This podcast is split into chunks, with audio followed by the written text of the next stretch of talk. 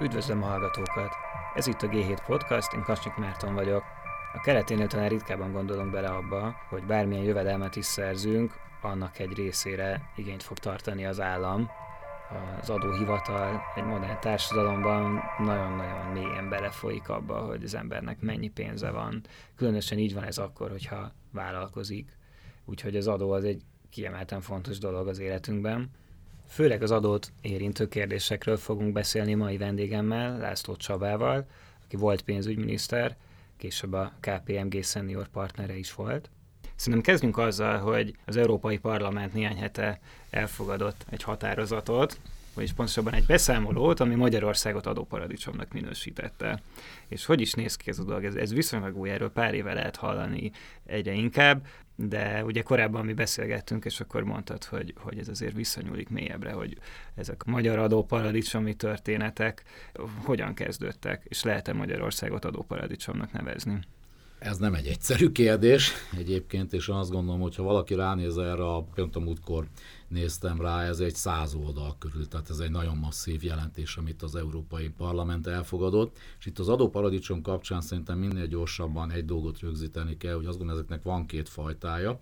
Az egyik, aki azt mondja, hogy van 0% adó, fél százalék adó, 1% adó, banktitok, cégregiszternek a titkossága, semmiről semmilyen információt nem adunk ki, van egy fejlett bankrendszer, és akkor gyertek hozzánk. Ezek a ezek, szigetek. Ezek a klasszikus szigetek, Jersey szigetek, vagy éppen a Karib-tengeren, vagy a Seychellen, ez egyfajta adóparadicsomi lét.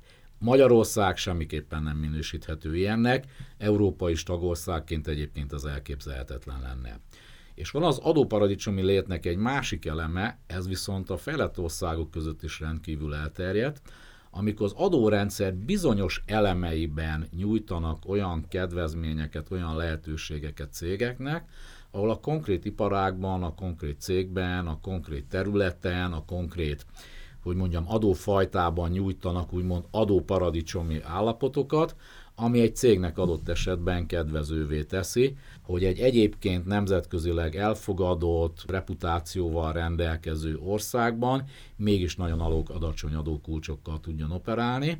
Hogy csak egy tényleg nagyon klasszikus példát mondjak erre, az Apple-nek a híres esete, ahol 13 milliárd euróval büntette meg az Európai Unió az Apple-t, kell érdemes is belemenni talán, hogy mennyire adó és mennyiben állami támogatás volt ennek a háttarába. Na most magából a jelentésből, meg az egész ítéletből lehet tudni, hogy amikor az egész történet elindult, akkor az Apple-nek 1% volt az effektív adókulcsa Írországban, ami a teljes európai profitját jelentette. Úgy, hogy ehhez az írhatóságoknak kellett a hatatós közreműködése, tehát pecsétes papírokkal támasztotta alá az Apple ezeket a dolgokat. De miután nagyon nagy számokról beszélünk, ezért még ez is valószínűleg sok volt, ezért azt hiszem, hogy ezt levitték később 0,5-re, majd még később, azt hiszem 2010 után 0,005 százalék volt az effektív adókulcsa az Apple-nek Írországban.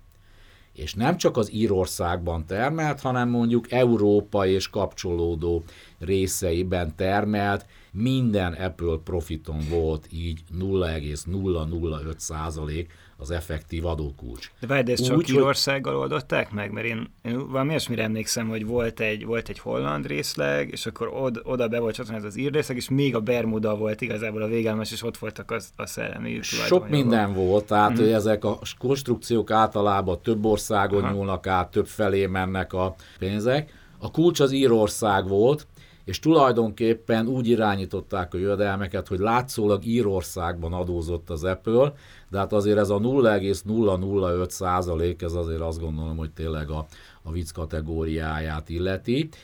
Úgy, hogy egyébként Írországban 12 százaléka normál társasági adó.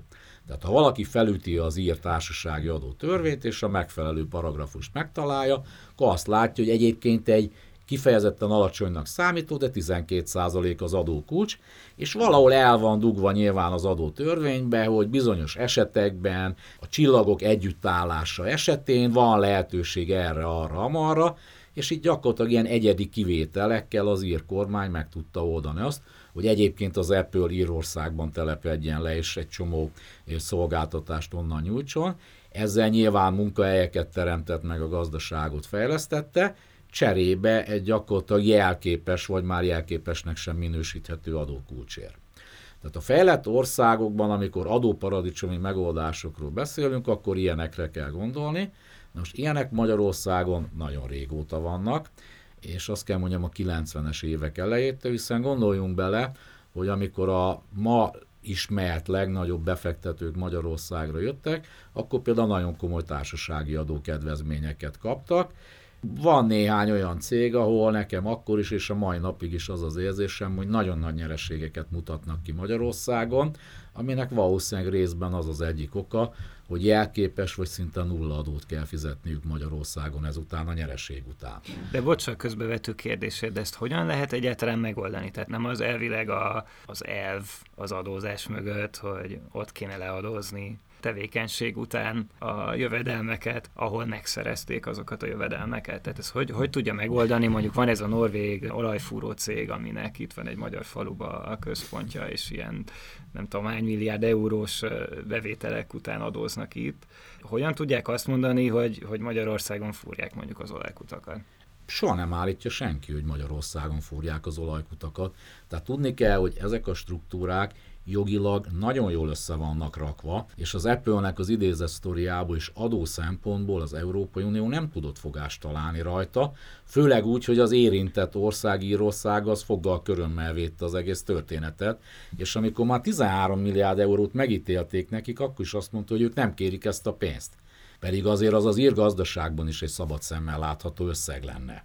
Sőt, Szóval azért az egy nagyon nagy pénz, és azt mondták, hogy nekik ez nem kell. Nekik hosszú távon jobban megéri ez, de, de ez nem azt jelenti, hogy valami gond van akkor a jogrendszerrel, mert ez, mert ez egyszerűen nem, nem tűnik annyira logikusnak. Hát egyrészt az a jogrendszer, ami ma is még meghatározó tekintetben a nemzetközi adózást, az egy 40, 50, 60, 70 évvel ezelőtt kialakult, eh, hogy mondjam, viszonyrendszert tükröz, és nyilván az elmúlt 20-30-40 évnek a globalizációját, a pénzügyi intézményrendszernek a, a globalizált kialakulását, rengeteg mindent nem tud tükrözni.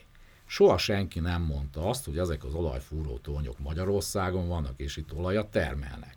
Ezek az olajfúró tornyok valami olyan területen vannak, ami egyébként területen kívüli, tehát nem tartozik valószínűleg egyetlen országhoz se, és innentől kezdve el lehet kezdeni, hogy vajon ki ennek a tulajdonosa, ki üzemelteti, és milyen országoknak van ehhez köze, és ráadásul nagyon sokszor vannak speciális szabályok. Tehát pont egy olajfúró torony, ami a semmi közepén van, erre speciális szabályok érvényesek, amit adott esetben ki lehet használni két-három-négy országnak a közreműködésével.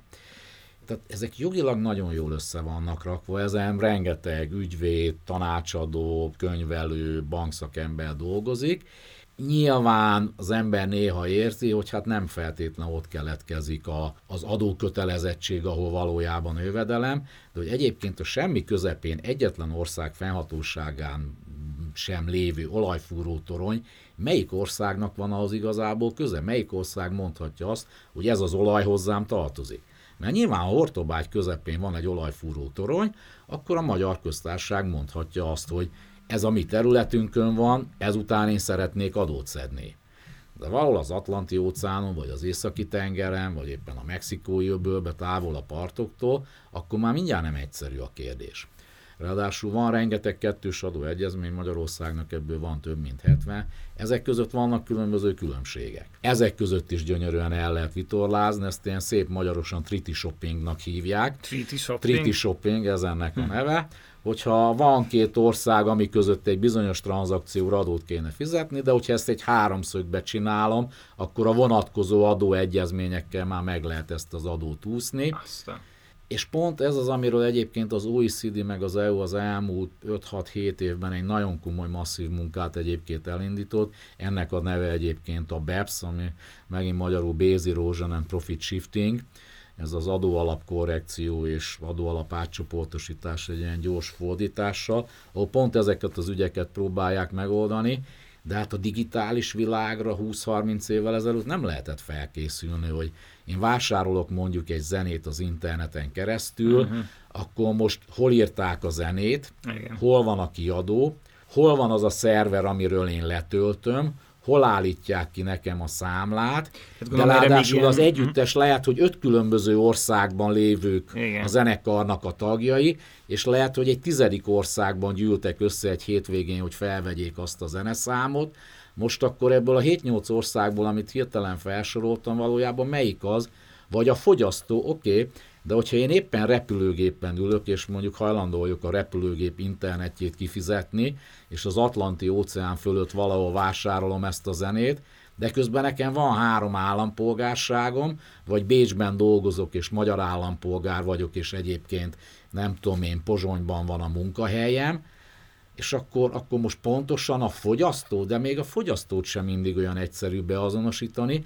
Nyilván 10 millió magyarnál nagyjából 9,5 millióról mindig lehet tudni, hogy ők alapvetően Magyarországon élnek, Magyarországon vannak, tehát őket, mint fogyasztót elég jól lehet azonosítani. De mondjuk, nagy... hogyha már Lengyelországból vásárolják a kutyakaját az internetes boltból, akkor már rögtön bonyolultabb. Igen, helyzet. és hogy lehet, hogy lengyel cégtől vásárolják, de egyébként lehet, hogy a logisztikai központ az Romániában van, és lehet, hogy egy szlovák cégen keresztül számlázna. Tehát én szoktam az internetről venni néha programokat, és hát nem magyar számlát szoktam kapni. Tehát mm. ez mondjuk így teljesen jó meg lehet nézni, hogyha az ember bármit vásárol az interneten, a legritkább esetben kap magyar számlát. Hát de mondjuk nehéz is elvárni, nem egy ilyen interneten áruló cégtől, bármelyiküktől, hogy a világ 190 országára ki tudjon állítani hát, számlát.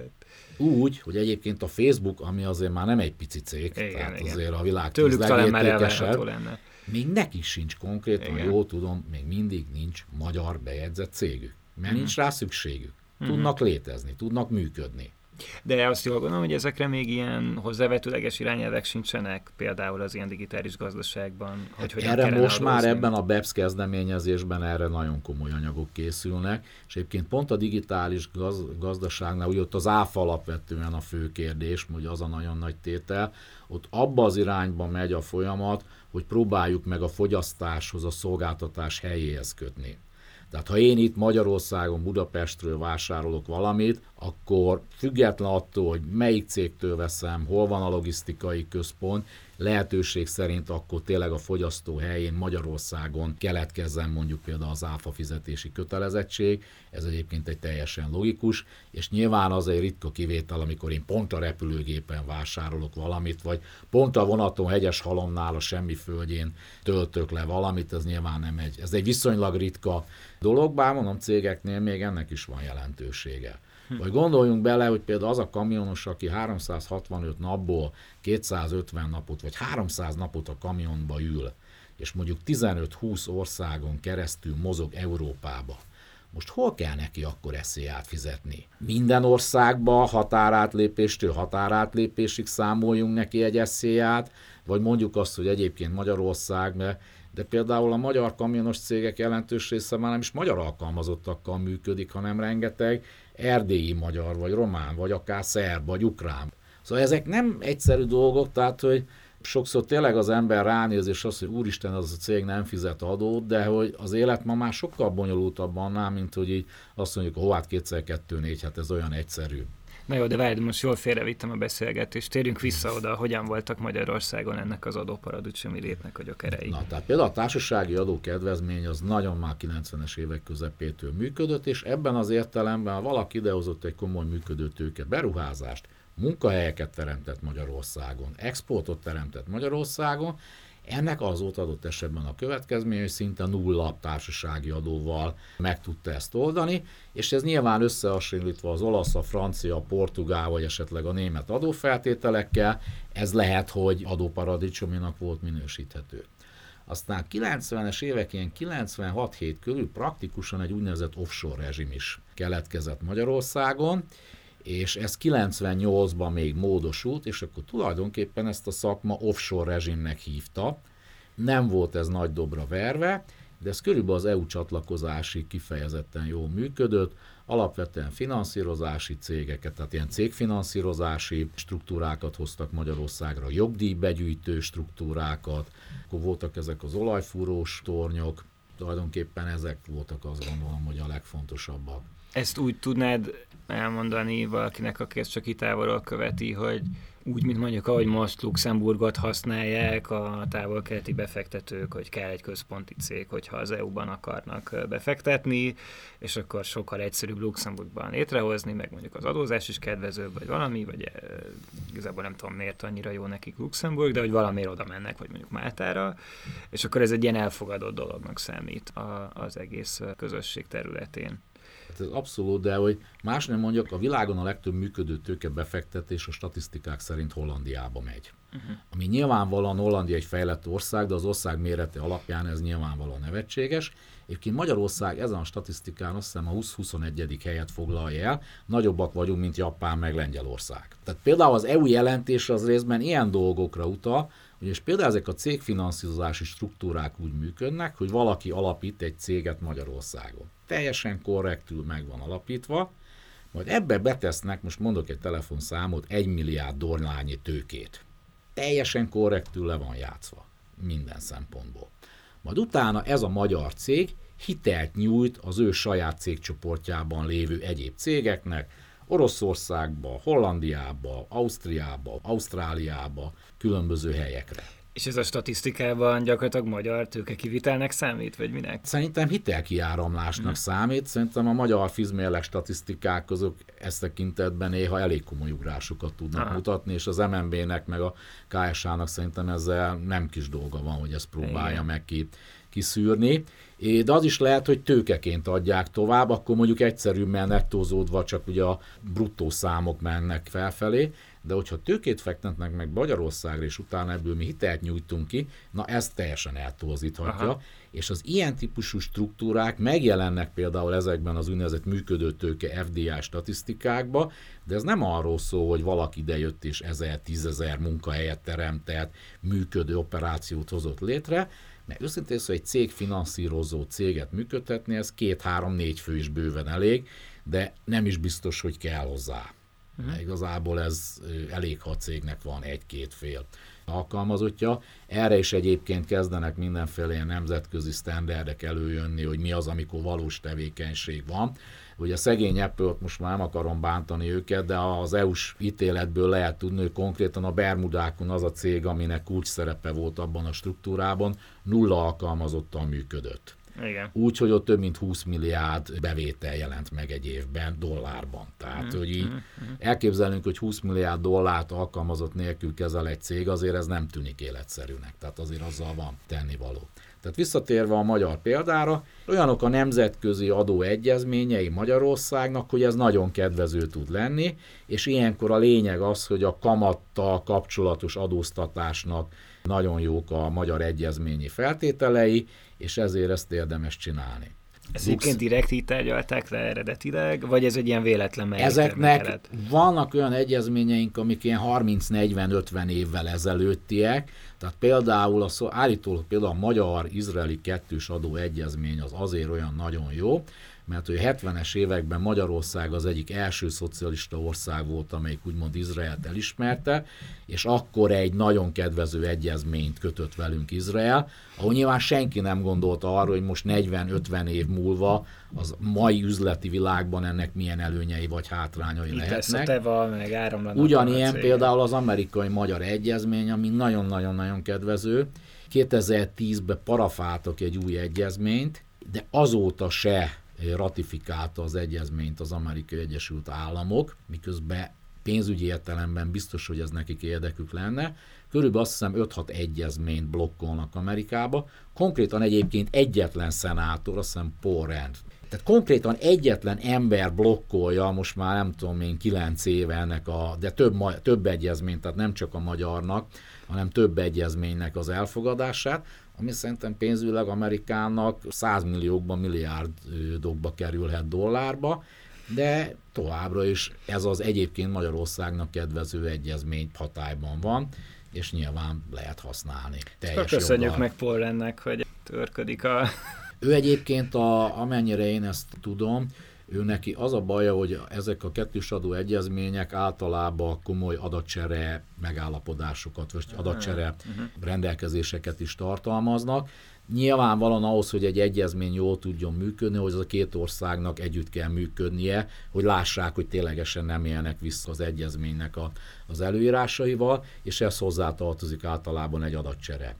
Ha jól értem neki, alapvetően az a fő baja, hogy ezek az egyezmények nem a magyar kiemelte, hanem az összes többi, ami így most fel van függesztve, ezek olyan adatcsere rendelkezéseket tartalmaznak, ami által úgy gondolja, hogy amerikai állampolgároknak idézőjelben illetéktelen kezekbe kerülhetnek az adatai, és hát ez, ezt ő elfogadhatatlannak tartja, és teljesen független attól, hogy egyébként milyen más pénzügyi hatásai vannak a, az egyezménynek, ezért blokkolja. Visszatérve az adóparadicsomi dolgokra, tehát még Európában is a fejlett ország közül lehet tűnő, Luxemburg például pénzügyi intézmények, befalapok, médiacégek. Emlékeim szerint volt olyan, amikor egy magyar műholdas szolgáltató cég azt mondta, hogy az, hogy a műhold honnan szolgáltat, hát annak nincs fizikai helye és gyakorlatilag a magyar ügyfeleket átszerződte egy luxemburgi céghez, mert Luxemburgban jóval alacsonyabb az áfa a média szolgáltatásokon. És tulajdonképpen a műsor, amit a tehát amikor itt a, a tányérról beszélek, tehát mm. amit a tetőre kell szerelni, nem a kábelre, hogy a tányéron én most a műholból egy luxemburgiba, vagy egy román, vagy egy magyar cégből kapom a szolgáltatást, nem lehet igazából megfogni, meg megmondani. Nyilván, hogyha valaki kimondaná, hogy a szolgáltatás teljesítésének a helye, és ez lesz a jövő, akkor ezzel már nem lehet visszaélni, de korábban ezt úgymond teljesen jogszerűen megcsinálták, hogy egy luxemburgi cég az megvette a műsorokat különböző helyről, ő bérelte a műholdat, meg a műholdnak azt a helyét, és a műholdról úgymond úgy sugározta a magyar fogyasztóknak az M4-et, a Duna TV-t, az RT-et, meg a National Geographicot, meg az összes többit. Aha, na jó, de ezek... És nem 27% volt rá fajta az áfa, hanem mondjuk 5%.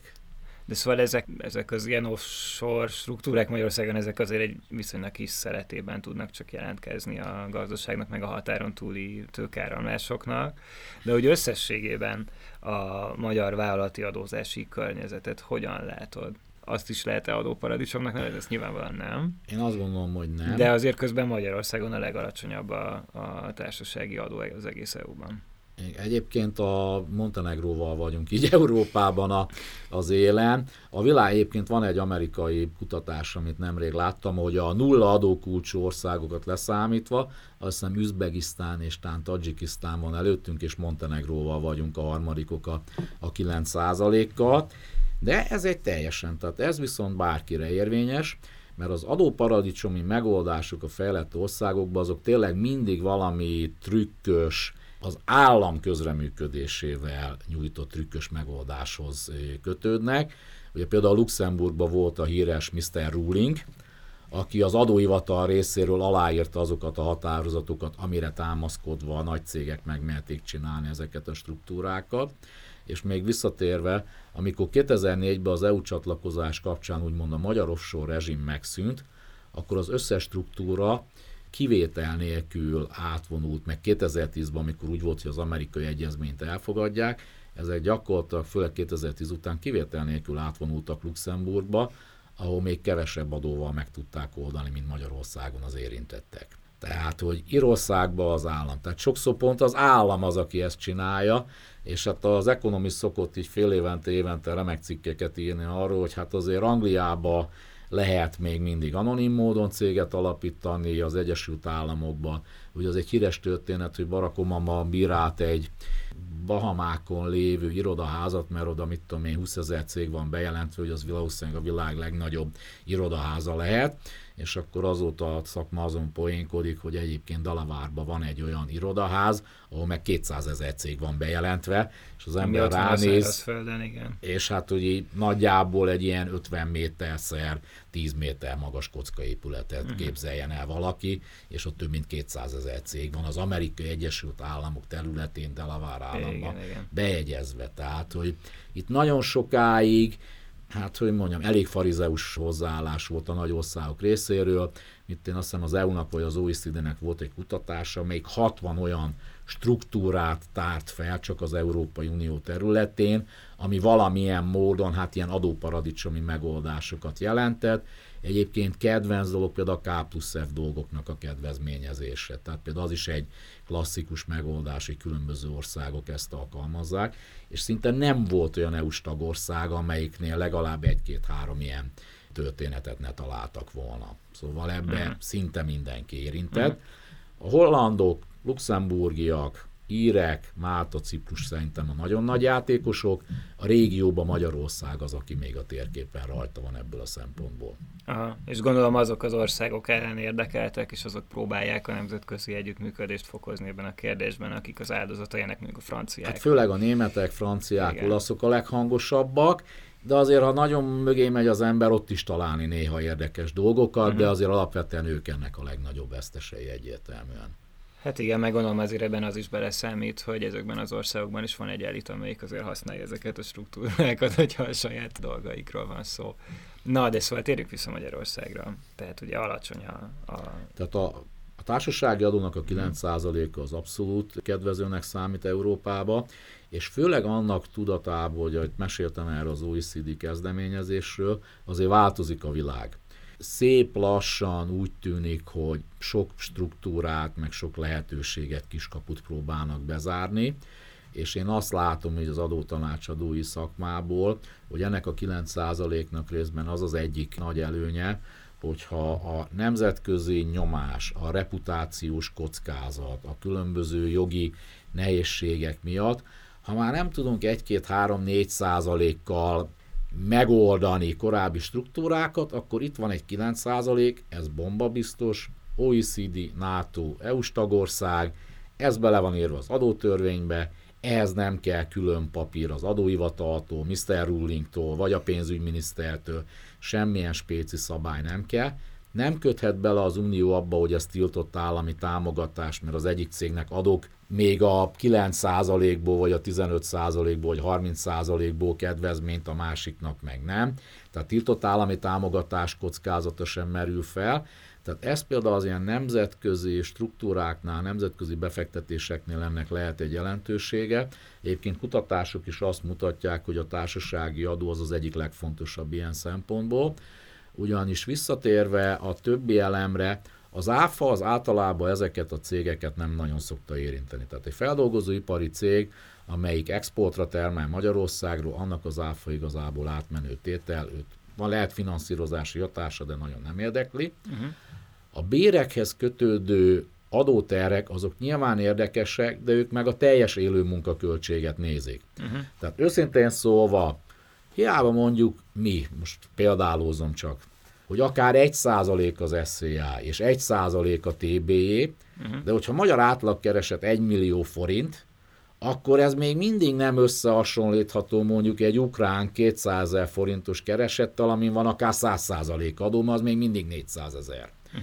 Vagy nem hasonlítható össze egy némettel. Tehát, hogy ők az élő munka egészét nézik, nyilván örülnek neki azért, hogyha alacsonyabbak az adók, de alapvetően az összeülő munkaköltséget nézik, és ezen belül, hogy éppen mennyi az adó, ez nekik egy adottság. Például az a vezető, aki dönt arról, vagy aki részt vesz a döntésben, hogy mondjuk Kassára, Krakóba, vagy éppen Miskolcra vigyenek egy beruházást, és tudja, hogy ő lesz ennek a jövőbeli cégnek egyébként a vezetője, mert ez már megvan neki előre mondva. Azért neki ott van a fejében, amikor néző, hogy hát nekem lesz egy fizetésem, én akkor ott fogok adózni, és mondjuk Lengyelországban 30% az adó, Szlovákiában meg 5%, Magyarországon meg 15%, vagy éppen fordítva, akkor nyilván neki azért ott van a fejében, hogy ő egyénileg is hogyan jár jobban vagy rosszul. Tehát rengeteg apró, sokszor nem is feltétlenül könnyen számszerűsíthető tényező is számít egy döntésbe, vagy hol van például nemzetközi iskola, ahol majd a gyerekeimet tudom angolul tanítatni, Ugye nem véletlen, hogy most Debrecenbe például, a tudom, egy nemzetközi iskolát építenek pont uh-huh. azért, hogy ilyen szempontból ne legyen Debrecennek versenyhátránya, de őket alapvetően az élő munkaköltség érinti.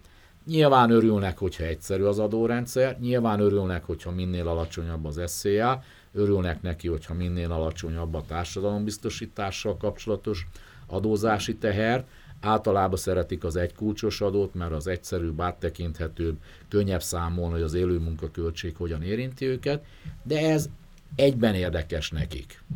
És lehet, hogy kétszer annyi az adó tényleg egy alacsony bérű országban, de azt mondják, hogy ez még bőven mindig jobb, mint egy olasz vagy egy német élő munkaköltség. Ami probléma lehet még, hogyha nagyon sok egyéb adó van, nálunk azért az iparűzési adó azért az ilyen szempontból egy furcsa képződmény, Olaszországban van valami hasonló, de ez egyébként nemzetközileg nem egy szokásos adó.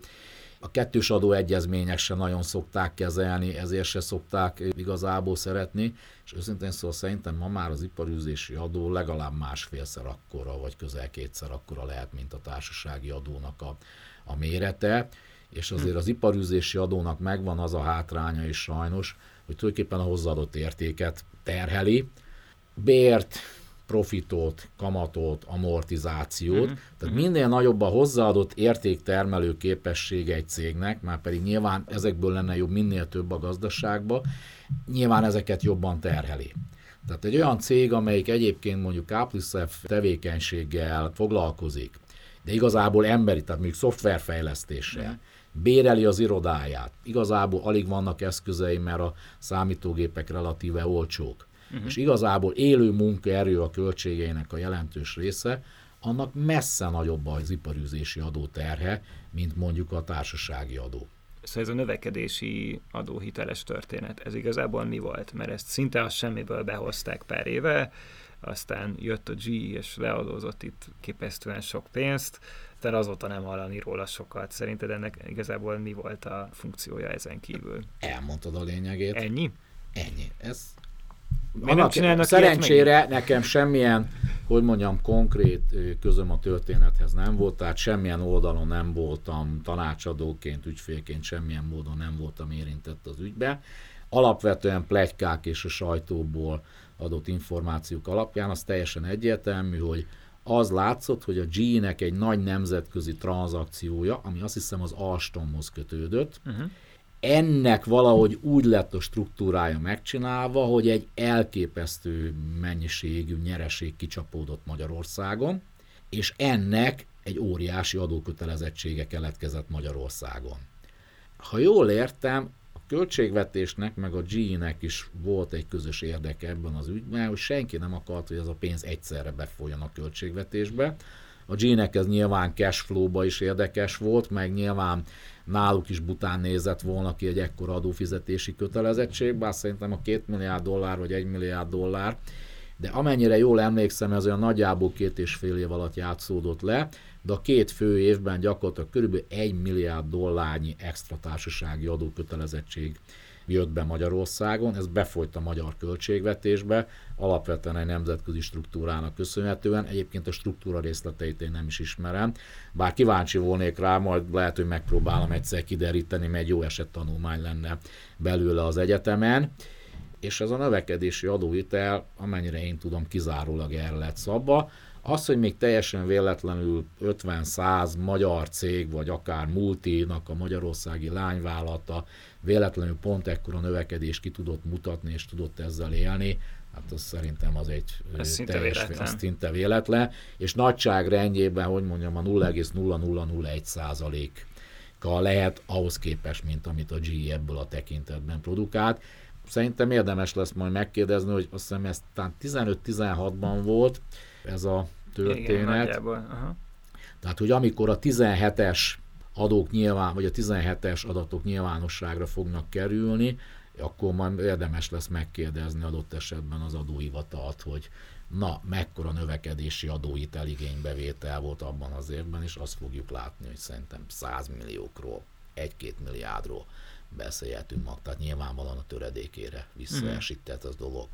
Én nem tudok azóta új sztoriról, ami hasonló. Hát igen, ez kicsit olyan ez, mintha ezzel jelezte volna Magyarország a világ összes nemzetközi nagyvállalatának, hogy sziasztok, hogyha szeretnétek agresszívan adót tervezni, és így lecsapatni egy kis pénzt Magyarországon, akkor mi nyitottak vagyunk ilyen egyedi. Ez valami nagyon speciális történet lehet, mondom, hogy teljesen a részleteit én nem is ismerem, és mondom, kíváncsi is vagyok rá egyszer. Hát főleg, hogy a G-vel azért üzletelt a magyar állam, ugye más hát, vonalon is. Tehát... Hát ugye minimum a Budapest Bank meg a Tungsram eladás, az mondjuk két komoly tranzakció, ami az Igen. utóbbi időben történt, meg hát a G folyamatosan fejleszt ugye a, a Shared Service Center, ami ott négy hatalmas tornyot gyakorlatilag mhm. építettek a Váci úton, ott azért nagyon sok ember dolgozik, és az egy komoly hozzáadott értéket termelő tevékenység, tehát ott nem minimálbéren dolgoznak hát igen, az emberek. Tehát, gyár, meg még néhány gyár, tehát azért... Hát ugye a régi Tungsram gyárak is, igen. tehát hogy a G számtalan módon kötődik Magyarországhoz, nyilván része volt ennek az egész történetnek,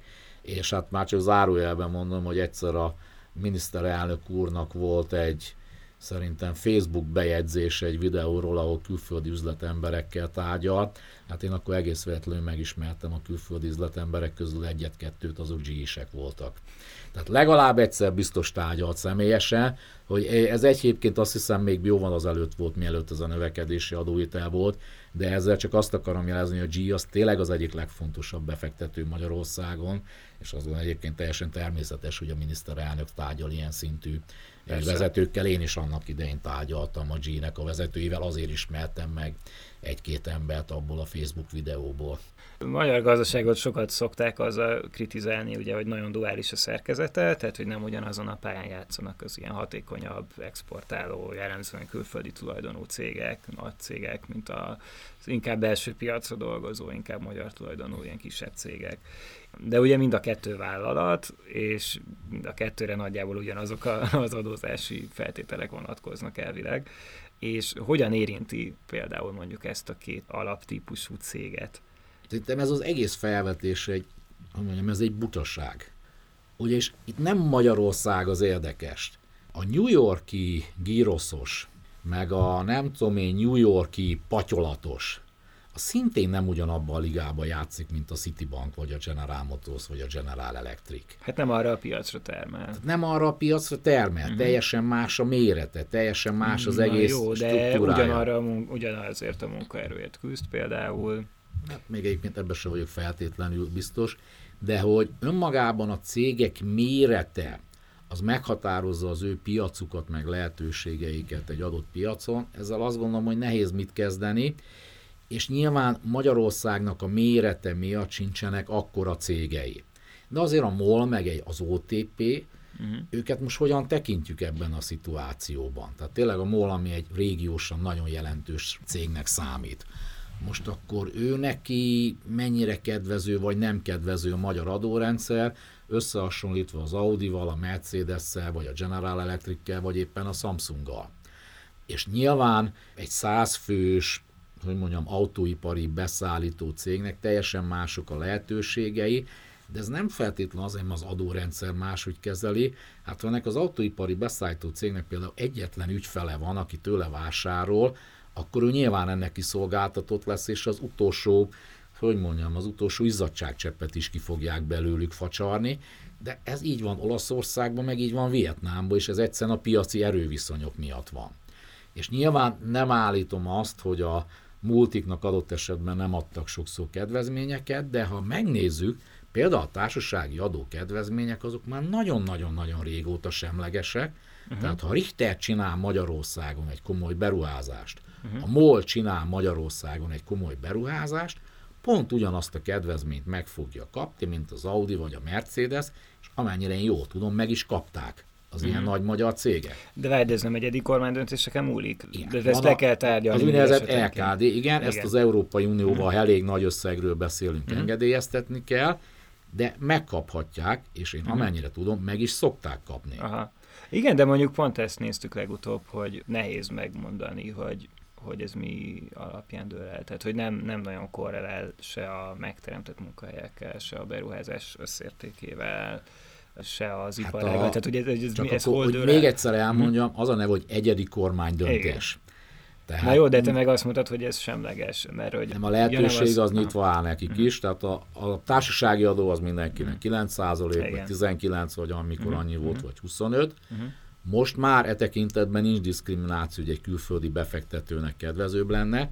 Uh-huh. Nyilván az igazán nagy beruházásokat, amiket a magyar állam támogatni akar, uh-huh. amely feldolgozóipar, munkahelyet teremt, exportot generál, uh-huh. ezt alapvetően igazából a nagy külföldi cégek szokták Magyarországon csinálni.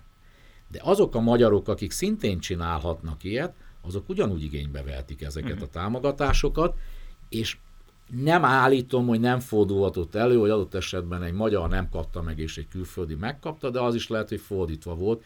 Ugye pont ettől egyedi a kormánydöntés, hogy itt rengeteg tényezőt vehetnek figyelembe, ezek egy része transzparens, egy része nem transzparens, tehát én utólag nem tudom megítélni, és nem is akarok abba belemenni, de elvileg nincs ilyen típusú diszkrimináció. Csendben mondom egyébként, hogy azért egy nagy multinacionális cégnél ott SAP rendszer van, Oracle rendszer van, hatalmas rendszerek vannak, én azon mindig csak nevetni szoktam, amikor azon poénk, hogy hát de a Tesco-ba biztos nem üt, a Tesco biztos, meg a Spár, meg ezek biztos rendszer szinten csalják az áfát. Szerintem fizikailag nem tudják. Nem állítom, hogy nem követnek el hibát, mert láttam olyan multicéget, ahol konkrétan a programozásban egy programozó elszúrt valamit, és az APEC megtalált, és több millió adóhiány lett belőle a cégnél, de ott mindenki a cégen belül is nagyon meg volt lepődve, mert senki nem tudott róla, abszolút nem volt tudatos. Még azért egy 5-10-20-30 fős cégnél, hát azért nagyobb lehetőség van arra, hogy adott esetben zsebbe fizessenek, uh-huh. számla nélkül vásároljanak, számla nélkül adjanak el, egy nagy cégnél, és itt megint lehet Jó, a multikra kijegyezni, de egy molnál se hiszem, a, tehát egy molnál én azt nem tudom feltételezni, hogy rendszer szinten valaki kitalálna azt, hogy a benzinkutaknál minden ötödik üzemanyag vásárlónak nem ütik be a tételét, és nem adnak róla számlát. Tehát egy nagy szervezet egyszerűen nem működhet ilyen formán, ott rendnek, fegyelemnek, rendszereknek kell lenni, tehát ez alapvetően a mérethez kötődik. Jó, igen, de hogy azért a szürke gazdaságot azért nehéz egy ilyen pozitív versenyelőnek tekinteni, mert az, az szerintem inkább ennek az ellentéte, mert mindenképpen egy időt mindenképpen gátja lesz a cég növekedésének. Én, én csak a tényt próbáltam rögzíteni, nem azt mondtam, hogy, ja. hogy mondjam, nekik ez lehet egy versenyelőny, aztán amikor el kell menni a bankba, mert szeretnénk hitelt felvenni, hát akkor nehéz elmagyarázni a hitelügyintézőnek, hogy igaz, hogy már tíz éve nem mutattunk ki egy fillér nyereséget, de valójában mi évi 100 milliót csinálunk, csak hát így úgy eltüntetjük a pénzt, és akkor azt mondja a bank, hogy én erre nem tudok nektek hitelt adni, tehát hogy és azért számtalan egyéb. Tehát én azt gondolom, hogy egy cégen belül, akár egy területen, az adón belül, de mindenki számára láthatóan csalnak, akkor én azt gondolom, hogy abban a rendben, az egyéb dolg, abban a cégben az egyéb dolgok se fognak rendben menni. Ott sokkal könnyebben fognak mellé nézni, hogyha a munkahelyi biztonságról van szó, hogyha a termék minőségéről, a szolgáltatás minőségéről. Tehát én azt gondolom, hogy egy cégkultúrában akár csak egyetlen ponton a csalás, az ügyeskedés az rendszer válik, az szerintem a cég egész működésére károsan hat. Tehát szerintem ez hosszú távon biztos, hogy nagyon rosszul megy, és meg lehet nézni, hogy a sikeres magyar történetek akár 100-200 ezer fős cégekben, és azt lehet látni, hogy lehet, hogy az elején egy garázsból indultak, meg lehet, hogy az elején ők is, de aztán kiderül, hogy rendszert csináltak, kiderült, hogy elkezdtek fejleszteni, kiderült, hogy elkezdték nagyon ügyesen megszervezni a saját munkájukat, és lehet, hogy nem feltétlenül arra mentek rá, hogy hogyan lehet még több állami támogatást lenyúlni, hanem a piacra koncentráltak. Szóval azért a sikeres történetek mögött mindig ott van, hogy rendszerben gondolkodtak és észre csinálták, és nem csak az ügyeskedésről szólt a dolog. Viszont ha már szóba hoztad a csalásokat, ugye vannak ezek a támogatások, ami szintén kötődik ez a kérdéshez, szintén magyar sajátosság, többé-kevésbé, és hát ugye a legtöbbször visszaélésekről hallunk, meg ugye például ami a sportban történt, a TAO támogatásokkal, ezt, azt nehéz egy ilyen gazdaságilag pozitív élénkítő történetnek felfogni. Te hogyan látod ezt? Tehát ugye az egész TAO támogatás az a filmes szakmából indult ki, és 2003-ban ez nekem még tényleg elég sok közön volt, nagyon sokat hmm. beszéltem akkori vezetőkkel, tehát például Grünwalski úrral, aki akkoriban a film alapnak volt azt hiszem a vezetője vagy az elnöke, és konkrétan ott zokogtak idézőjelbe a, az irodánkban, meg a bárhol, ahol összefutottunk, hogy a világosítók, meg az operatőrök azok praktikusan ilyen fognak halni. Emlékeim szerint abban az időben Magyarországon filmre költöttek mondjuk két milliárd forintot, külföldi magyar minden együttvéve, és az egész szakma szinte haldoklott. És akkor jöttek, és ebben nagyon érdekes, mert a szakma felől jött egyfajta igény megjelzés, jött a tanácsadói, meg jött a filmipar felül is, hogy vannak olyan kedvezményrendszerek a világban, és nem mi találtuk fel a melegvizet, hangsúlyozom, amikkel el lehet érni azt, hogy egyfajta adótámogatással megváltoztatni ezt az egész hozzáállást és fellendíteni az iparágat, és akkor tényleg azért hagytuk jóvá, és személyesen én is egyike volt, aki támogatta ezt ennek a rendszernek az elindulását, hogy nézzük meg, hogy ha lemondunk valamennyi adóról, ezzel sikerül-e generálni egy többlet forgalmat, egy többlet ipart Magyarországon, mert hogy az volt a gondolkodás, hogy be fog jönni Magyarországgal ezzel üzlet. És ez egy nagyon nagy különbség, mert a film támogatásnak az volt a fő logikája, hogy ide majd jönni fognak a külföldiek és filmeket fognak csinálni. Nyilván külföldi stúdiókkal is beszéltünk a rendszernek a bevezetése előtt, tárgyaltam köbb különböző csoporttal, és mondták, hogy ha lesz egy ilyen kedvezmény, akkor ők jönni fognak. És a dolog az fényesen bevált. Tehát tényleg néha ilyen tök véletlenül belefutok mindenféle ilyen sorozatokba, és mondom, jé, az a János hegyen a Szerpentin, ahol éppen valami jelenetet látok, aminek semmi köze egyébként Magyarországhoz a filmnek, tehát itt egy óriási változás történt, tehát jól tudom, több 10 milliárd forint, ugye nagyon komoly filmek készültek Magyarországon, erre nagyon komoly iparák kiépült Magyarországon. Hát a múltkor pont egy színházigazgatót hallottam, aki azon panaszkodott, hogyha ő kinevel egy jó világosítót mondjuk három év alatt, akkor egyszer csak megjelenik egy filmes pofa nála, és azt mondja ennek a 22 éves villanyszerelő végzettségű világosítónak, hogy kis csákó kapsz kétszer annyit, mint eddig, gyere hozzám filmet csinálni. És természetesen mindegyik el fog menni. Tehát, hogy egyszerűen nincs is elég munkaerő például ebben az iparágban, ugye komoly stúdiók épültek fel. Én azt gondolom, hogy ez fényesen bevált ez a része a történetnek. Ugye a második, azzal én már, mint költségvetési szakember nehezen tudtam azonosulni, ugye az a kulturális területen jelent meg, ahol az volt mondva, hogy a jegy árbevételhez kötődően lehet ezt a TAO támogatást igénybe venni. Ez azt gondolom, hogy ez egyértelműen egy költségvetési támogatásnak egy speciális formája volt, tehát ez gazdasági élénkítés, külföldi üzlet Magyarországra ebbe gyakorlatilag nem volt, sőt már az elején megjelentek azért bizonyos visszaélések, amikor hogy mondjam, távoli, közép-ázsiai, meg közel-keleti országokban hirtelen hihetetlen mennyiségű produkciót adtak elő magyar együttesek, és ezután igénybe vették a tau ezt mondjuk viszonylag gyorsan korlátozták is. Ennek egyébként van egy olyan eleme, hogy tényleg az, aki több nézőt tud behozni, az arányosan több támogatást kapott, tehát ennek van egy pozitív része. Most kérdés ez, hogy ez kulturális szempontból mennyire tekinthető értékteremtésnek, ezen valószínűleg a kulturális politikusok hosszan el tudnak vitatkozni. Nekem is vannak kételjeim, hogy itt tényleg azt a szintű minőségi kultúrát támogatta a magyar állam. De ez a folyamat elindított egy egyébként a költségvetés részéről teljesen logikus hozzáállást, hogy bizonyos kultúra, tehát a kultúra egy jelentős része elkezdett hirtelen több pénzt kapni egy közvetlen költségvetésen, döntéshozatalon kívüli forrásból, aminek az lett a következmény, hogy szépen megállították a kulturális támogatásokat a költségvetésbe. Én több olyan területet tudok, ahol konkrétan megmondták, gyerekek, ott a TAO, tőlünk ne kérjetek most többet. És ez megy 5-6-7-8 éve. Uh-huh. Tehát az az együttes, amit, egy világhírű együttes, ami az nekem közön van, ott az állami támogatás szerintem 5-6-7-8 éve nem nőtt. Mert hogy a TAO. Uh-huh. De most ugye leállították ezt az És egészet. itt jön a probléma, ugye tavaly novemberben ezt egyik napról a másikra leállították, azt mondták, hogy azok, akik nem csaltak, és egyébként valós kulturális teljesítményt nyújtanak, azok majd fognak valami támogatást kapni, de azt kell mondjam, hogy ez teljes mértékben elfogadhatatlan, hogy itt Szeretném közbevetni, április... hogyha tényleg ennyi csalás volt, akkor hol vannak a büntetőügyek? Erről nem hallottam még, de mindegy. És a szakmának egyébként, tehát a szakma becsületes részének voltak javaslatai arra, mert nagyon könnyen meg lehetett volna fogni egyébként a visszaéléseket a kulturális területe.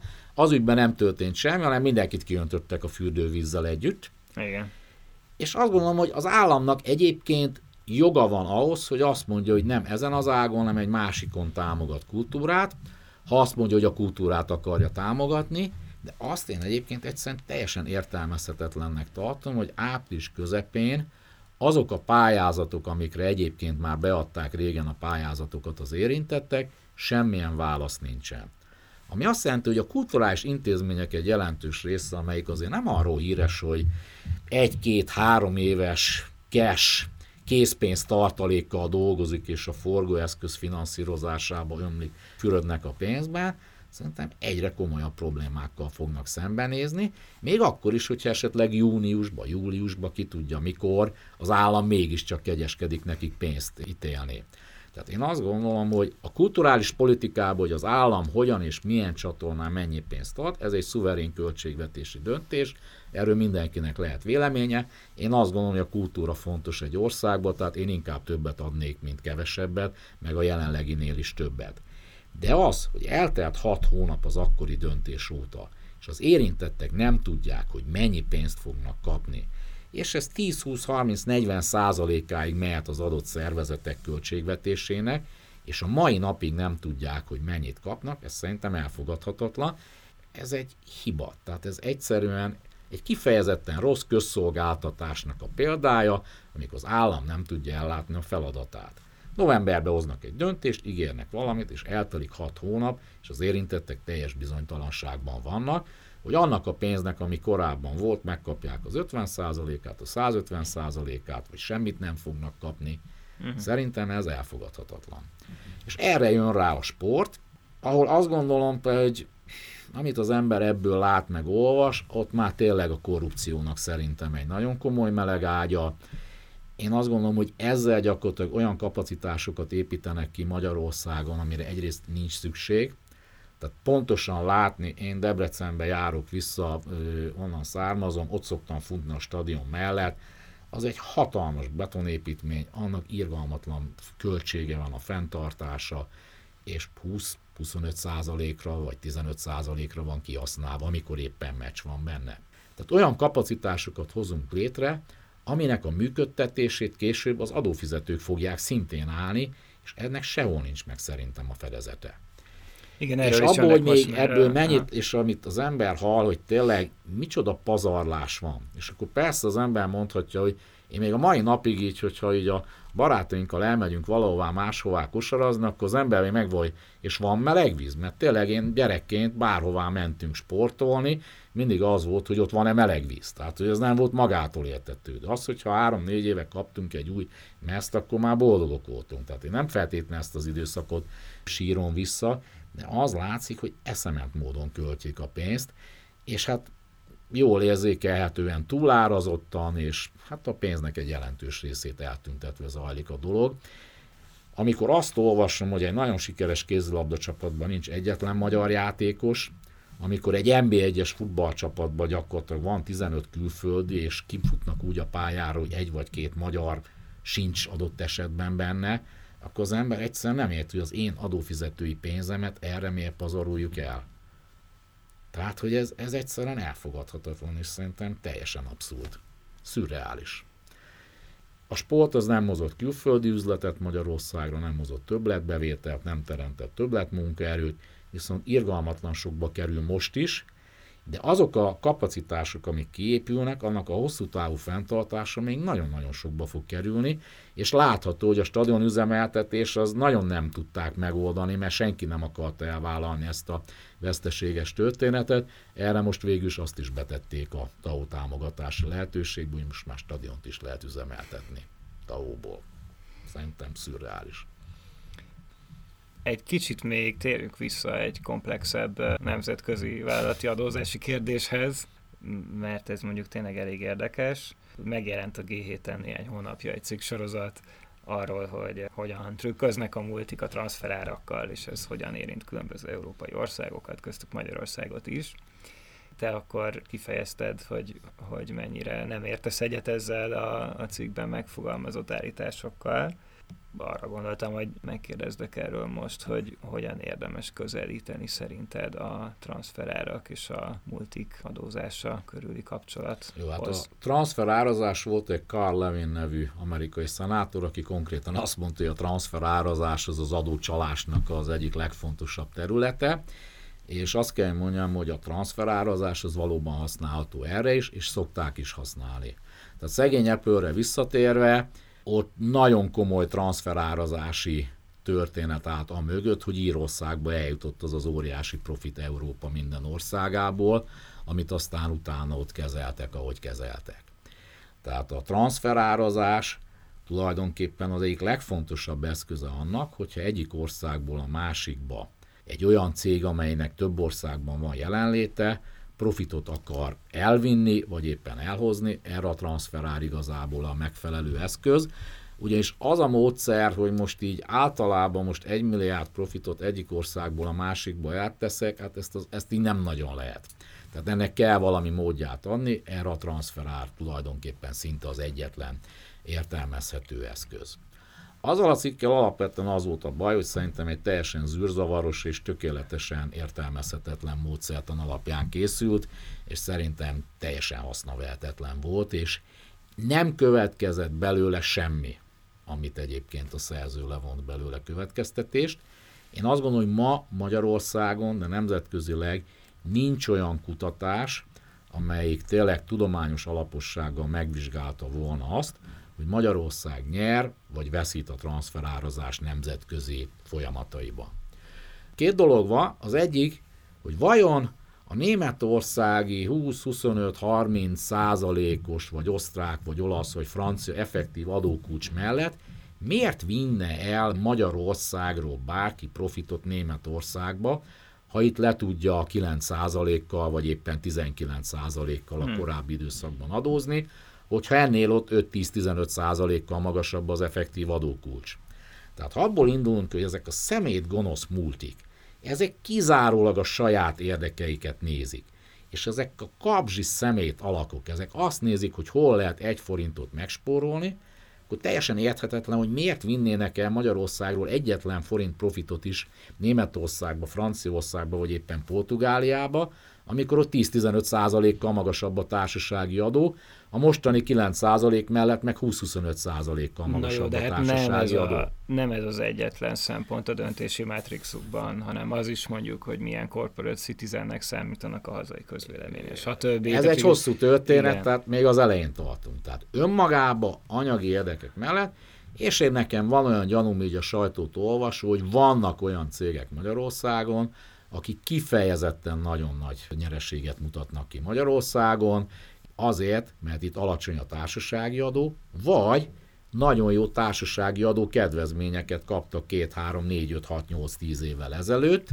A másik, hogy adott esetben vannak olyan országok, ahol 1-2-3-4 százalékkal lehet megoldani adott esetben a társasági adózást, de azért például azok a nagy autógyárak, amennyire én ismerem, azok kevésbé használják ezeket a struktúrákat, ez inkább az Európán kívüli cégekre, a technológiai cégekre jellemző. Tehát szerintem például a bankrendszerbe nem vagyok feltétlenül napi szinten az információk birtokában, de a Magyarországon letelepedett multibankok nem gondolnám, hogy például 10, 20, 30, 40, 50 milliárdokat vinnének ki Bahamára, meg a Szesel szigetekre. Hozzá tartozik, hogy haza is kell vinni valamit. Következő, az szintén ki van mutatva, tehát ez, hogy mondjam, erről komoly tudományos cikkek születtek, hogy általában a cég központokban nagyobb jövedelmezőséget mutatnak ki a multinacionális cégcsoportok, mint a leányvállalatainál. Ennek számtalan oka van. Az egyik az, hogy egy New Yorkban, Frankfurtban, Párizsban ülő cégvezető az nem a magyar adóhivataltól fél igazából, hanem mondjuk a sajátjától, tehát ő kockázat kerülőbb a mhm. német, francia, olasz adóhivatal kapcsán, mint a magyar, mert ő családilag, helyileg minden szempontból ott él, oda kötődik, neki sokkal fontosabb, hogy neki az olasz adóhivatallal ne legyen problémája. Kettő, azok a funkciók, amik a egy multicégnél leginkább a profitot meghatározzák, az a menedzsment szolgáltatások, a kutatásfejlesztés, a marketing, tehát a legfontosabb értékteremtő szolgáltatások, ezek általában azért a cégközpontokban vannak, tehát az adott ország adóhivatala nem véletlenül várja, hogy ott komoly nyereséget mutassanak ki, mert ez az igazi értékteremtő. Csendben mondom, lehet, hogy nem túl népszerű, felhúzni egy összeszerelő üzemet, amihez felveszek ezer embert, azért én láttam olyat, hogy három hónap alatt költöztettek el egy nagyon komoly több milliárdos összeszerelő üzemet Magyarországról, és elvitték Mexikóba. Gond nélkül meg tudják tenni. Lehetünk büszkék a magyar munkaerőre, meg a magyar földre, meg a magyar találékonyságra. Azoknak a cégeknek egy jelentős része, ami Magyarországon van, nem igazából az az értékteremtő ezeknek a multicégeknek a szempontjából, mert azt, amit mi csinálunk, azt még 20 országban meg tudják csinálni. De az az ember, aki mondjuk a designer felel, meg a marketingért felel, meg a menedzsmentért felel, meg a szélszért felel, ezek általában központba ülnek, és bármennyire is rosszul esik kimondani, vagy kényelmetlen hallani, ezek az igazán értékteremtő dolgok. Nem véletlen, hogy egyébként a mindenkori magyar kormányok, és egyébként nagyon helyesen támogatták azt, hogy minél több ilyen funkció jöjjön Magyarországra, minél több kutatás, fejlesztés jöjjön Magyarországra, mert egyrészt magasabb fizetésű munkahelyeket jelent Magyarországon, és több értéket jelent.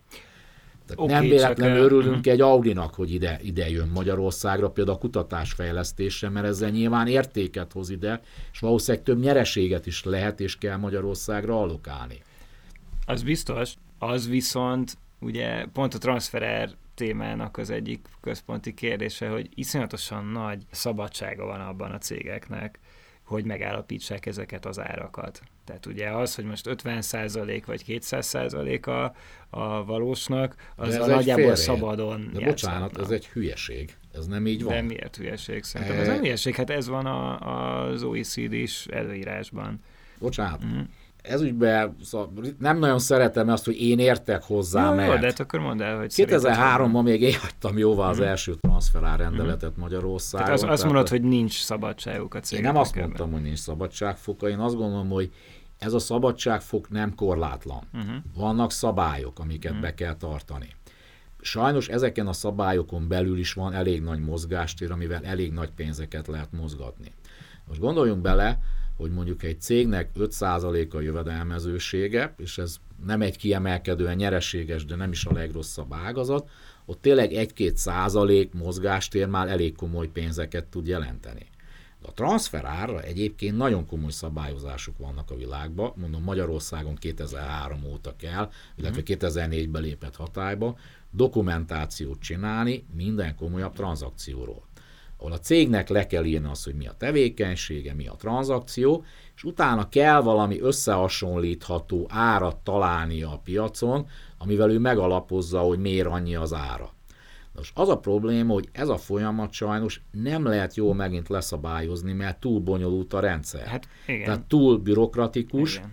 van benne mozgást, de nem az van, hogy bármit lehet csinálni. Hát nem bármit, de ugye nyilván elég nagy hozzáértéssel azért lehet alakítani ezeket a kereteket. Így van, lehet alakítani. Na, hát ez, ez nem azt jelenti, hogy egy cég, tehát mondjuk egy normálisan minimális kockázat tudatossága, meg a reputációjára kényes cég az bármit csinál. Tehát azért olyat nem látunk, hogy a, egy nagy autógyár egyik évben Németországban mutatja a közös profitját, a következő évben Lengyelországban, a harmadik évben Magyarországon, tehát azért nem az van, hogy például egyik évről a másikra 10 milliárd dollárukat pakolgatnak egyik helyről a másikra komoly reputációval rendelkező cégek. Szóval én azt gondolom, hogy sajnos erről a területről nincs elegendő információ. Ennek alapvetően az az oka, hogy azok az információk, amik a világban rendelkezésre állnak, azok cégszintűek. Már pedig a transferának pont az a lényege, hogy az konkrét ügyletekhez kötődik. Tehát lehet, hogy tudjuk, hogy mennyi az Audi-nak, a Suzuki-nak, a MOL-nak, az OTP-nek, az Unicredit-nek, az HSBC-nek a nyeressége az egyes leányvállalatoknál, de hogy konkrétan az egyes hiteleken, az egyes motoreladásokon, az egyes autóeladásokon, az egyes villanykölt eladásokon mennyi profitot mutatnak ki, erre nincs nyilvános adat, főleg nem európai szinten. Uh-huh. Tehát én azt gondolom, hogy aki ebből bármire azt állítja, hogy innen oda megy, nagyon nehéz. Folyamatokat lehet látni. Többek között most például bejött a BEPS, amire már többször utaltam hatására, hogy 750 millió euró fölötti árbevételű cégeknél egy olyan adatszolgáltatást kell minden országba eljuttatni az adott cégnek, tehát ha van egy cég, amelyiknek 15 országban van jelenléte Európában, és a 750 millió eurót meghaladja, legalább 10 adatot minden leányvállalatáról el kell juttatni minden más országba, és akkor abból látja a német adóhivatal, hogy mondjuk ennek a cégcsoportnak mennyi a nyereségessége Magyarországon, Cipruson, Máltán, Franciaországban, és ha azt látja, hogy egyébként Cipruson ennek a cégnek van 10 alkalmazottja, és ott kimutatnak 5 milliárd eurónyi nyereséget, Magyarországon van 10 ezer alkalmazottja, és kimutatnak mondjuk 100 millió dollár nyereséget, Németországban van 20 ezer alkalmazottja, és nem mutatnak ki egy fillér nyereséget, na akkor a német adóhivatal elkezd majd nyilván keresgélni, és fordítva. Ez amúgy miért nem nyilvános ez az adatbázis szerinted? Tehát, hogy, mert nekem ez nagyon fura volt, hogy, hogy van egy ilyen adatbázis, Viszont, mert ugye nyilván ennek az lenne a lényege, hogy, hogy használhassák újságírók is, mert akkor egy csomó történet felszínre tud jönni, meg lehet beszélni. Azt gondolják az emberek, akik írek ezeket a szerződéseket, hogy, hogy a nyilvánosság itt nem láthatja át ezeket a komplex ügyleteket, vagy... Hát ez nem a komplet, tehát ebben a, az adatszolgáltatásban 10-15 adatot kell megadni, és ezek alapadatok szerintem például egy magyar cégnél, amelynek a cégbíróságon rendesen be vannak nyújtva a mérlegei, uh-huh. szerintem ebből a 10-15 adatból 7-8 simán Hát igen, mert ebben Magyarország tök jól áll, de egy csomó másik például, ország meg nem, például Németország. Az, absz- hát meg igen. Most a többi német, vagy Ciprusról, Máltáról, meg igen, ezekről igen. ne is beszéljünk, ahol mondjuk mm. Dominik mögött még mindig el lehet bújni cégtulajdonosként. Igen. Vagy akár Angliából szintén azért erről tudunk mm. még magyar vonatkozású történeteket is. Mm. Én azt gondolom, hogy ezekben elég sok üzleti titok lehet, de azzal egyetértek, hogy ezeknek a jelentős része egyébként lehetne nyilvános. Ma az, hogy egy cégnek mennyi alkalmazottja van egy adott országban, én azt gondolom, hogy ez, ez, ez nem feltétlen üzleti titok, ez nem gondolnám, hogy ide tartozik. Ugye itt árbevétel van, profit van, eszközöknek a mennyisége, létszám, tehát körülbelül hmm. tényleg 8-10 adatnál nem sokkal több. Hát igen, szerintem ennek nyilvánvalóan közérdeknek kellene lennie, csak hát ez most Persze. nem az, de az adóhivatalok látják, tehát most az egy dolog, hogy az újságírók nem, bár azzal egyetértek, hogyha az újságírók előásnak jó dolgokat, akkor arra néha az adóhivatal is eh, jobban rá hát, tud repülni. Elég gyakran akkor indulnak vizsgálatok. Igen, igen. Elvileg az adóhivatalok ezeket látják, és tudjuk, meg lehet hallani, hogy indulnak is mindenfajta vizsgálatok. Tehát például a transferárban, ez az úgynevezett CBC, Country by Country, tehát országonkénti jelentés, ez most már elindult. Magyarország egyébként Bármilyen vitánk is van egyébként az Európai Unióval, meg brüsszelezünk, meg adóügyekben vannak időnként, az összes ilyen adó elkerülés ellenő, elleni szabályt Magyarország nagyon az elsők között vette át az utóbbi két-három évben. Tehát például az ellenőrzött külföldi társaság szabályozás, akkor ezek az adatcsere egyezmények, ezeket nagyon gyorsan veszi át Magyarország, egyébként szerintem teljesen helyesen. Hozzáteszem, hogy a világ soha nem lesz annyira tökéletes, és soha nem lesznek olyan szabályozások, hogy száz százalékban ezeket meg lehessen akadályozni az ilyen típusú dolgokat. Transferáról is nagyon sok pénzt lehet mozgatni. A transferár is igazából ott lehet nagyon trükkös, amikor nehezen megfogható dolgoknak az árazásáról van szó. Tehát az igazán nagy trükkök azok szerintem finanszírozás, úgynevezett szellemi tulajdonoknak a mozgatása. Tehát ez az, amikor nagyon nehéz megállapítani, hogy mi az értéke valaminek. Na itt a transferár is egyébként is bajba van, de itt lehet igazából jól manipulálni vele. Én nem gondolnám, hogy amikor például egy feldolgozóipari cégcsoportba a nem tudom én, a szelepeket, meg az üléshúzatot, meg a motort, meg az autót teszik egyik cégből a másikba, akkor ott mernék adott esetben felére vagy duplájára árazni a dolgokat, 10-20-30 százalék mozgástér szinte mindig benne van, de mondjuk egy hitelnél, vagy mondjuk egy szellemi tulajdonnál, mennyi lehet a Coca-Cola-nak a, az értéke, mint brandnek, és ezt mondjuk Amerikából eladják a Bahamákra, vagy vissza. Na, ez kihívás egyébként transferált, tehát én a legkorrektebbül meg akarom csinálni, hogy mennyi vajon a Coca-Cola-nak az értéke, hogyha egyik országból a másikba eladom, miközben egy szellemi tulajdont egy jó ügyvéd két nap alatt egyik országból a másikba el tud vinni. Tehát nagyon más, hogy milyen területen trükköznek egyébként, és van, ahol tényleg óriási a szabadságfog. Nem véletlen, hogy egyébként pont az ilyen technológiai cégeknél, ahol sokszor nagyon nehezen megfogható, hogy mi is az értéke a cégnek, mi a valós értékteremtője, hát hogy ott hallunk olyan történeteket, amire tényleg fogja az ember a fejét, hogy úristen, ez hogy történhet meg. Az a, az a hozzáállás, hogy itt a multik kirabolják Magyarországot a transferára, ez még akár igaz is lehet, de aki ezt az állítást kimondja, annak az nem tudhatja biztosan, mert nem készült olyan kutatás, nincs olyan adatbázis, ami alapján ezt ki lehetne jelenteni. Hozzáteszem, semmi el nem mutat erre egyébként a statisztikákból, hogy Magyarországon ez lenne a helyzet, és a józan észsel is ellentétes lenne, mert Magyarország legalább, tehát mondjuk 95-ben volt az első nagy társasági adó csökkentés, tehát közel 25 éve Magyarországon tendencia szerint mindig is alacsonyabb volt a társasági adó, mint szinte bárhol máshol Európába, és mindig voltak olyan társasági adó kedvezményrendszerek, amik a nagy munkahelyteremtő, befektető cégeknek gyakorlatilag 5-10-15 évre vitte el a társasági adó kötelezettségét. Jó. Ezek után direkt kirabolják és bántsák a magyart, nem logikus. Én körülbelül 8 évig vezettem az egyik legnagyobb magyar tanácsadó cégnek a transferát csoportját, és sok érdekes dolgot láttunk, de nem mondhatnám, hogy tendenciájába kirabolják Magyarországot. Jó, jó, csak jelzem, hogy a cikk azért ezt így nem állította explicit, hát hanem felvetette a címe a utalt erre. Tehát... Fel, felvetette ennek a lehetőségét, és a, az volt a fő állítás szerintem, hogy erről nem tudunk eleget, és akár erre is lehetőséget teremtene. Na jó, még rengeteg témánk lenne hátra, de most már túl sok ideje rabolom az idődet. Úgyhogy László Csaba volt a G7 Podcast vendége. Köszönöm szépen, hogy eljöttél. Köszönöm a lehetőséget.